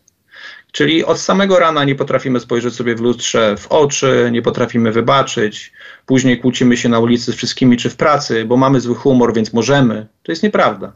To jest właśnie to nieułożenie siebie. I e, jeśli właśnie siebie ułożymy kiedy, i, i, wiemy, co z czego wynika, dlaczego w danym momencie nie mamy humoru lub mamy, albo pracujemy nad tym, tak? To naprawdę wychodzi z tego bardzo fajna postać po latach. Bo wszystko, mówię, jest wzięte z, z mojej autopsji i z obserwacji. Ja, ja naprawdę też miałem bardzo długie lata, nie miałem humoru. I mówię, no kurczę, nie można tak żyć. No nie da się tak żyć, bo po prostu nie chciało mi się z łóżka wstawać. No. Ja byłem na skraju depresji. I co I mówię, no pomogło? No nie, no, no nie mogę. To jest walka o siebie, wie pani? To jest walka o siebie po prostu. I co pomogło? No właśnie przyglądanie się tym myślom co powoduje, że mam gorsze nastawienie, gorszy humor. Więc odrzucałem. Już od wielu, wielu lat na przykład nie mam telewizji u siebie w domu, bo zauważyłem, że wszelkie informacje tam podawane mi osobiście szkodzą. Więc nie mam telewizji, można jakieś programy obejrzeć, ale to ja decyduję, co chcę obejrzeć, a nie telewizja mi mówi, co ja mam oglądać. Więc to jest właśnie kwestia wyborów. To samo jest z pokarmami, z płynami. Przecież pewne pokarmy nas drażnią. Czyli mówimy o tym, o przyglądaniu się, co wpływa na nas negatywnie. I to jest analiza. Czy płyn, Alkoholu nie piję od wielu lat, bo mi kiedyś smakował, a teraz już po prostu wiem, że wprowadzał mnie w różne stany, które w rozwoju moim, a chciałem się rozwijać i cały czas to robię z pokorą, nie pomagał mi. No więc jeśli mi przeszkadza, no to po co mi coś, co mi przeszkadza? To jest tak samo jak ze znajomym wczoraj czy przedwczoraj rozmawiałem właśnie o pokarmach. Ja na przykład nie lubię kwaśnych e, smaków w jakiejkolwiek postaci, nawet są przecież kwaśne żelki, tak jak mi syn podsuwa. No, no, no, no, no źle się czuję. No to dla jego radości wiadomo, że na początku są słodkie, a później jest ten, ta kwasota. No, no, no. Jestem po tym rozdrażniony, zauważyłem to. Mówię, synku, wystarczy. Więc y, chyba, chyba właśnie w tych szczegółach jest y, ta całość, złożoność e, nas, tak? Przecież ile razy się mówi, nie zadawaj się z sąsiadką taką i taką, bo ona tam plecie na ciebie, tak?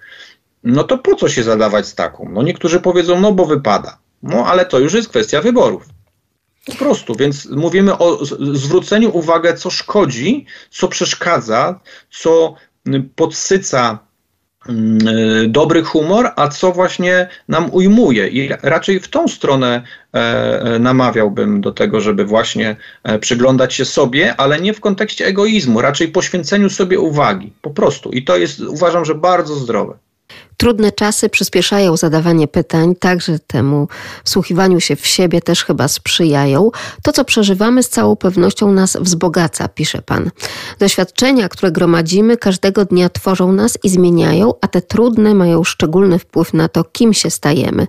To takie nasze blizny Indianina. Co to takiego są te blizny Indianina?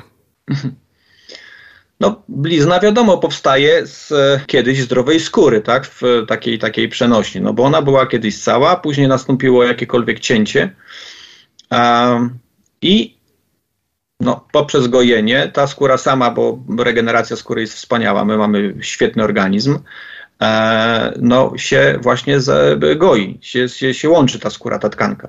I teraz kwestia jest tylko taka, czy my zauważamy to, tą powstałą e, ranę i zabliźnienie, czy co chwilę ciechamy siebie w tym samym miejscu poprzez e, negatywne podejście. Bo jeśli ktoś e, nie widzi tego, no to za tydzień, za dwa, za miesiąc może sobie w ciągu życia setki razy przecinać tą, tą bliznę, która później może się już nie zagoić, bo po prostu organizm powie już dosyć.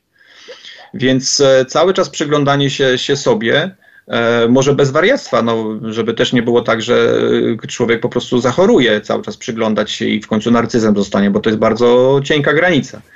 Ale mówię o takim zdrowym przyglądaniu się i wyciąganiu wniosków.